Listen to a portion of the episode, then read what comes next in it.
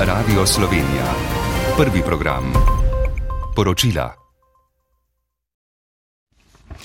Ptuj se je spremenil v največji etnografski muzej na prostem v Sloveniji. Z današnjo etnopovorko s prevodom pustnih likov se je v najstarejšem mestu pri nas namreč začel javni del 63. kurentovanja. Oblast v mestu je prevzel princ karnevala Hinko Šoštarič.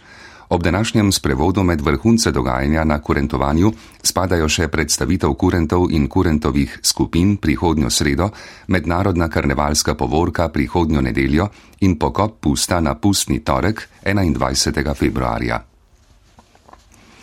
V domovino se danes vrača slovenska enota civilne zaščite z reševalnimi psi, ki je v Turčiji pomagala pri iskanju pogrešenih po ponedeljkovem potresu, ki je na turškem in sirskem ozemlju zahteval več kot 24 tisoč življenj. Avstrijski reševalci so morali zaradi spopadov na območju mesta Antakija prekiniti delo, podrobnosti niso znane. V Siriji je brez strehe nad glavo ostalo več kot 5 milijonov ljudi, kar bo ob državljanski vojni še poslabšalo razmere. Sirska vlada napoveduje, da bo dostavo človekoljubne pomoči omogočila tudi na območja pod nadzorom uporniških skupin. Po nočnih napadih ruskih sil z raketami in brezpilotnimi letalniki iz več regij v Ukrajini poročajo o velikih poškodbah energetske infrastrukture.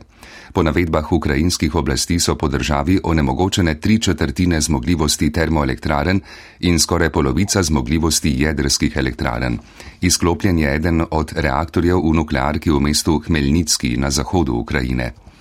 V regiji Harkov brez elektrike ostaja najmanj 150 tisoč gospodinstv. Ukrajinski predsednik Volodimir Zelenski, ki povdarja poziv Zahodu k dobavi bojnih letal, navaja, da najhujši boji potekajo v regiji Donetsk. V Parizu in drugih francoskih mestih na za popovdne napovedanih protestih proti pokojninski reformi pričakujejo več tisoč ljudi. Sindikati nasprotujejo vladnemu predlogu zvišanja upokojitvene starosti zdajšnjih 62 na 64 let. Zato so doslej organizirali vrsto protestov in stavk, od tega tri množične. Predlog reforme je v francoskem parlamentu v obravnavi od ponedeljka.